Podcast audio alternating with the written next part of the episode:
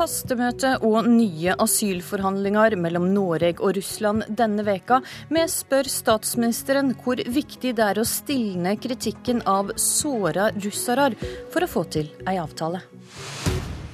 Erna Solberg, god morgen. Russland har altså stoppa retur av asylsøkere over grensa ved Storskog. Utenriksministeren ble varsla om saka fredag kveld, og dette ble kjent i offentligheta lørdag kveld. Politiets utlendingseining i Finnmark, som gjennomfører returene, fikk vite om Russland sitt nei da de så på Dagsrevyen.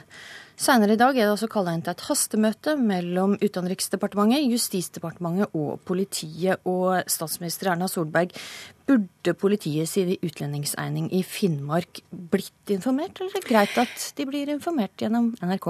Eh, politiets utlendingsenhet ble varslet fredag kveld. Eh, så får de vurdere hvorfor det ikke har gått varsler lenger ned. Men det er jo sånn at lørdag ble brukt til intensivt arbeid i Utenriksdepartementet i kontakt med andre departementer for å stille seg spørsmålet hvilken strategi har vi nå.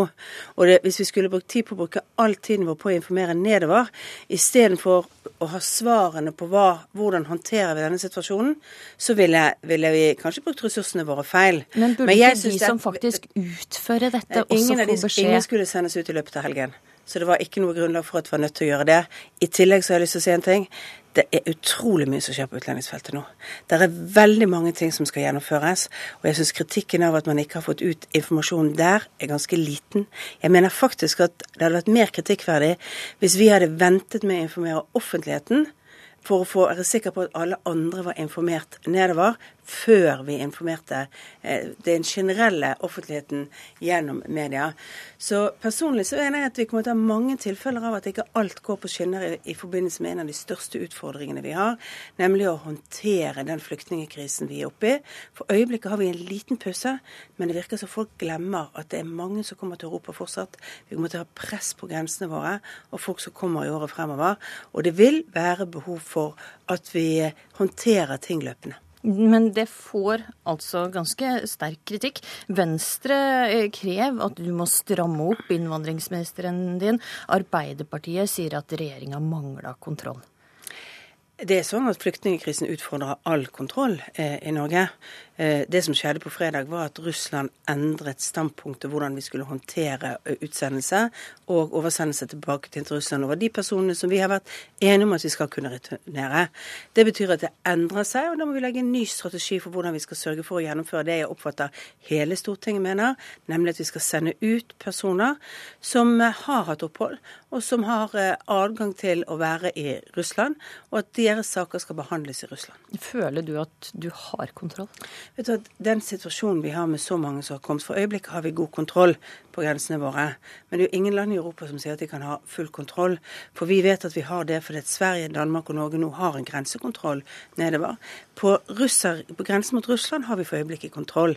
Det fikk vi i høst, bl.a. ved at vi var tydelige, og ved at hele det norske Stortinget faktisk stilte seg bak at vi skulle rydde opp eh, på situasjonen på Storskog. Det var veldig viktig at vi viste et enhetlig Norge overfor russerne, og hvordan vi skulle håndtere det. Mm. Utenriksminister Børge Brende sier russerne er såra etter omtala i den norske debatten.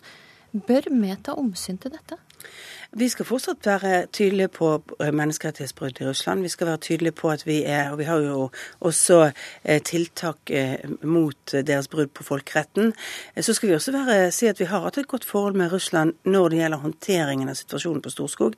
Hadde vi ikke hatt et samarbeid med Russland nå, så hadde vi ikke hatt 5500 asylsøkere som hadde kommet over den grensen. Vi hadde et betydelig større antall. Det viktigste for meg er at vi viser at vi, er, vi faktisk er tydelige overfor Russland om at det er deres ansvar å behandle disse sakene.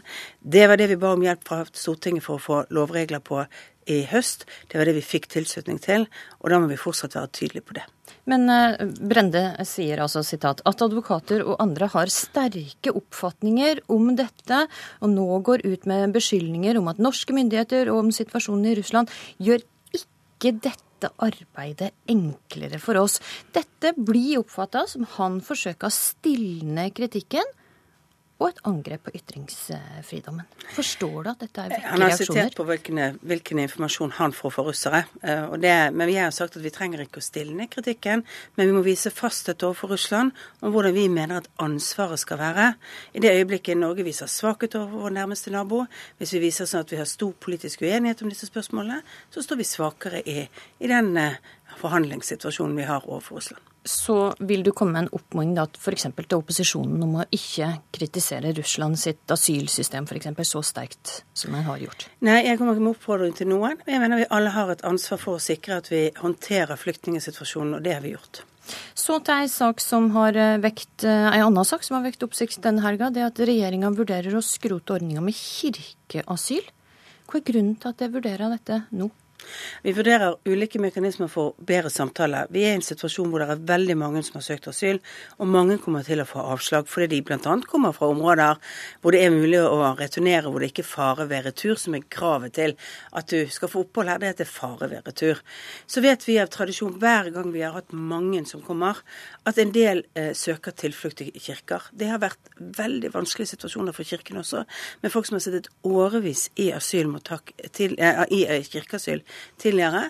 Det vi jobber med, er hvordan vi skal ha den kommunikasjonen eh, med Kirken. Og så har ikke regjeringen tatt noen beslutning om hva det endelige punktet blir. Men hva skal til for at det noe Si at det er greit at politiet går inn i kirka og altså, Foreløpig så er den instruksen som er fra 99 gjeldende. Og regjeringen har ikke laget noen ny instruks. Men vi er opptatt av at vi må få bedre bedre roller eh, og bedre måter måte å jobbe på mellom politiet og Kirken. For det er heller ikke bra for Kirken. Når jeg ble kommunalminister, så satt der folk som hadde sittet årevis i, i eh, kirkeasyl. Og det var utslittende for de, det var utslittende for Kirken. Det er viktig med den realitetsorienteringen om at det, når man har et avslag, ja, så skal man faktisk reise fra landet. Og eh, Kirken og andre kan ikke oppheve norsk lov. Og det er det viktig å si. Og da må vi alle jobbe med realitetsorienteringen av de som kommer. I en krisesituasjon så vil noen mennesker alltid oppleve at, eh, at, det å søke tilflukt et sted, det å få fred og ro vil være løsningen, og ikke bli sendt ut. Men vi har alle et ansvar for at asylinstituttet vårt opprettholdes, og vi har alle et ansvar for å sørge for at folk også er klar over at eh, enden er ikke at du kan trumfe deg til å bli i Norge hvis ikke du har behov for beskyttelse. Vi bytter tema, for om to timer så møter du og finansminister Siv Jensen sentralbanksjef Øystein Olsen, deretter ei rekke rekke av landets fremste økonomer for å få råd om den usikre økonomiske situasjonen og stigende arbeidsløse. Først, eh, hva konkret forventer du å få ut av disse møtene? Først og fremst å se om det er en enighet mellom de ulike eh, sterkeste miljøene vi har på på den økonomiske utviklingen og de alternative stemmene som er, i forhold til hvordan utviklingen både i Norge fremover kommer til å være, og rundt oss kommer til å være.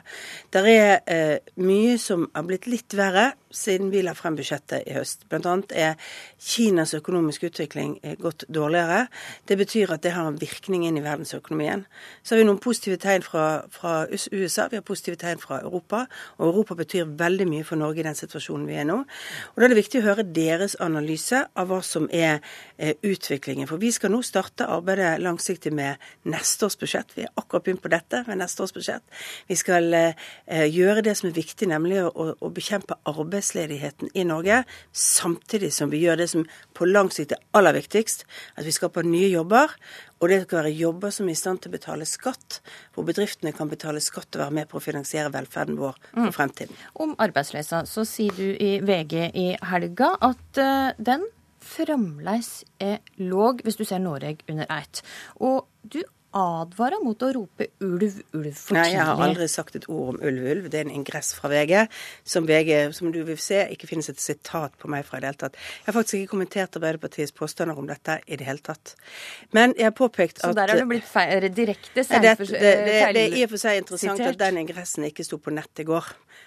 Den var ikke med på nettsaken som ble lagt ut etterpå. Men er Men, det viktig det? Det er ikke et sitat fra meg heller. Det er noe VGs redaksjon har laget. Jeg forstår. Men er det viktig for det at dette ikke blir kalla ei krise, den høye arbeidsledigheten? Eller altså, jeg mener at ledigheten er en krise i de områdene hvor den nå har vokst mye. Det er en kjempestor utfordring, og det er derfor regjeringen har lagt frem et så ekspansivt budsjett. Derfor vi har målrettet aktivitet mot de områdene som er. Men det er viktig å si at eh, den registrerte ledigheten i Norge er fortsatt ikke så veldig høy. Det betyr at vi regner med at den kommer til å stige. Men, men eh, det er mange, det, det, høyeste antallet arbeidsledige noen gang. Men det er fordi den norske befolkningen, altså de som bor i Norge, er så veldig, veldig mange flere. Men det gjør ikke utfordringen for de menneskene som opplever dette mindre, eller for de menneskene som er usikre på jobben sin. Og Derfor tar regjeringen veldig på alvor at vi er nødt til å sikre flere jobber både gjennom aktivitet på kort sikt, og det er det statsbudsjettet bidrar til. Mer aktivitet når vi bruker mer oljepenger nå, når vi har sterkere stimulanser til økonomien i budsjettet, så bidrar det til mer både kortsiktige og langsiktige jobber. Men vi må også få på plass en skattereform som vi forhandler om på Stortinget, som skal være med på å bidra til at Norge blir et attraktivt land å investere og skape de nye arbeidsplassene. Hvis ikke klarer vi ikke omstillingen. Så vi må klare to tanker i hodet på en gang. Det er bidra mot arbeidsledigheten nå, men samtidig og etablere rammevilkår som gjør at folk vil investere og skape de nye fremtidsjobbene. For vi er også i en situasjon hvor mange av de som har mistet jobben nå, ikke kommer til å komme tilbake til samme typen jobb i fremtiden. For det alle signaler gir nå, er at aktiviteten i oljesektoren kommer til å være der i lang tid, men det kommer til å være på et litt lavere nivå enn det var før denne, dette oljeprisfallet begynte. 4,3% av arbeidsstyrken står nå uten jobb. Når har du håp om at dette tallet kan endre seg og gå ned? Det er Blant de tingene vi har møte for i dag, er å se på de langsiktige utsiktene. For det er viktig at etterspørselen i Europa tar seg opp. Vi har mye Våre største handelspartnere i Sverige og Tyskland for tradisjonelt norsk næringsliv. Og det, det er jo i litt nye områder vi også må se eh, at vi skaper de nye jobbene. Og så er det jo da spørsmål hvor høy aktiviteten i Kina er. For f.eks. Eh, om etterspørselen etter olje kommer til å gå opp. Erna Solberg, tusen takk for at du kom til Politisk kvarter.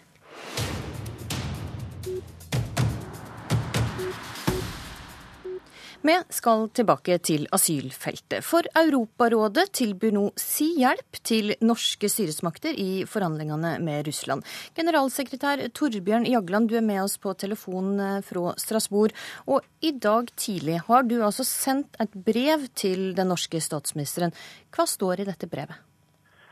Det står at vi har sett på mange av de problemstillingene som er blitt reist nå der oppe i Storskog, og også de problemstillingene som kommer frem i dette høringsnotatet som er sendt ut om flyktningpolitikken. Og de, Mange av disse problemstillingene berører de forpliktelsene Norge har tatt på seg i, under Europakonvensjonen om menneskerettigheter. Og Den konvensjonen er jo mye mye sterkere enn de andre konvensjonene som eh, det vises til. For her er det jo slik at det er en domstol eh, som har det siste ordet på toppen av hele konvensjonen. og Derfor har jo domstolen også skapt eh, en ubi rettspraksis på mange av de spørsmålene som her eh, det tales om. Slik at eh, De standardene som er i konvensjonen og rettspraksisen til domstolen, kan jo komme veldig godt til hjelp for regjeringen. Ja, har ikke regjeringa helt skjønt dette? Har de eh, rett og slett bruk for litt assistanse her? Det, det, vet jeg ikke, men jeg vet at eh, mange europeiske regjeringer nå henvender seg til oss for å få hjelp til å gå gjennom de standardene man er forpliktet på, og ikke minst rettspraksisen, rettstilstanden i Europa. Eh, slik at det kan være en god guide for eh, det man da skal gjøre konkret i praksis, og eventuell ny lovgivning. Så Jeg tror det kunne være veldig konstruktivt uh, å sette seg ned med våre eksperter. Jeg har utnevnt en egen spesialrepresentant, en uh, skarpskodd jurist. Han har et stort team som uh, kan hjelpe til med å gå gjennom alle disse problemstillingene, slik at man legger opp en politikk som er i samsvar med de forpliktelsene man har tatt på seg, og slik at man da også slipper å få dommer på seg i i Strasbourg. Har du noe grunn til å tro at eh, regjeringa sin politikk ikke er i samsvar med konvensjonene fra Europarådet? Jeg vil ikke trekke noen konklusjoner enda, men jeg ser at mange av de problemstillingene som er blitt reist eh, der oppe på Storskog f.eks., altså retten til å få sin søknad behandlet, hvordan den skal behandles, hvordan man skal bli behandlet eh, mens prosessen foregår, spørsmålet om familiegjenforening, som er høyaktuelt i dette høringsnotatet og mange andre ting, eh, det, kan det være greit å, å, se på i det perspektivet. At man har klare eh, forpliktelser som man har tatt på seg, og, og man har en domstol som til sjuende og sist har det siste ordet, og som har skapt restpraksis som alle må uh, ta inn over seg. Det er jo faktisk nå så sterkt i Norge at det er sagt i Grunnloven at uh, det skal man gjøre. Torbjørn Jagland, tusen takk for at du var med i Politisk kvarter, som i dag var ved Astrid Randen.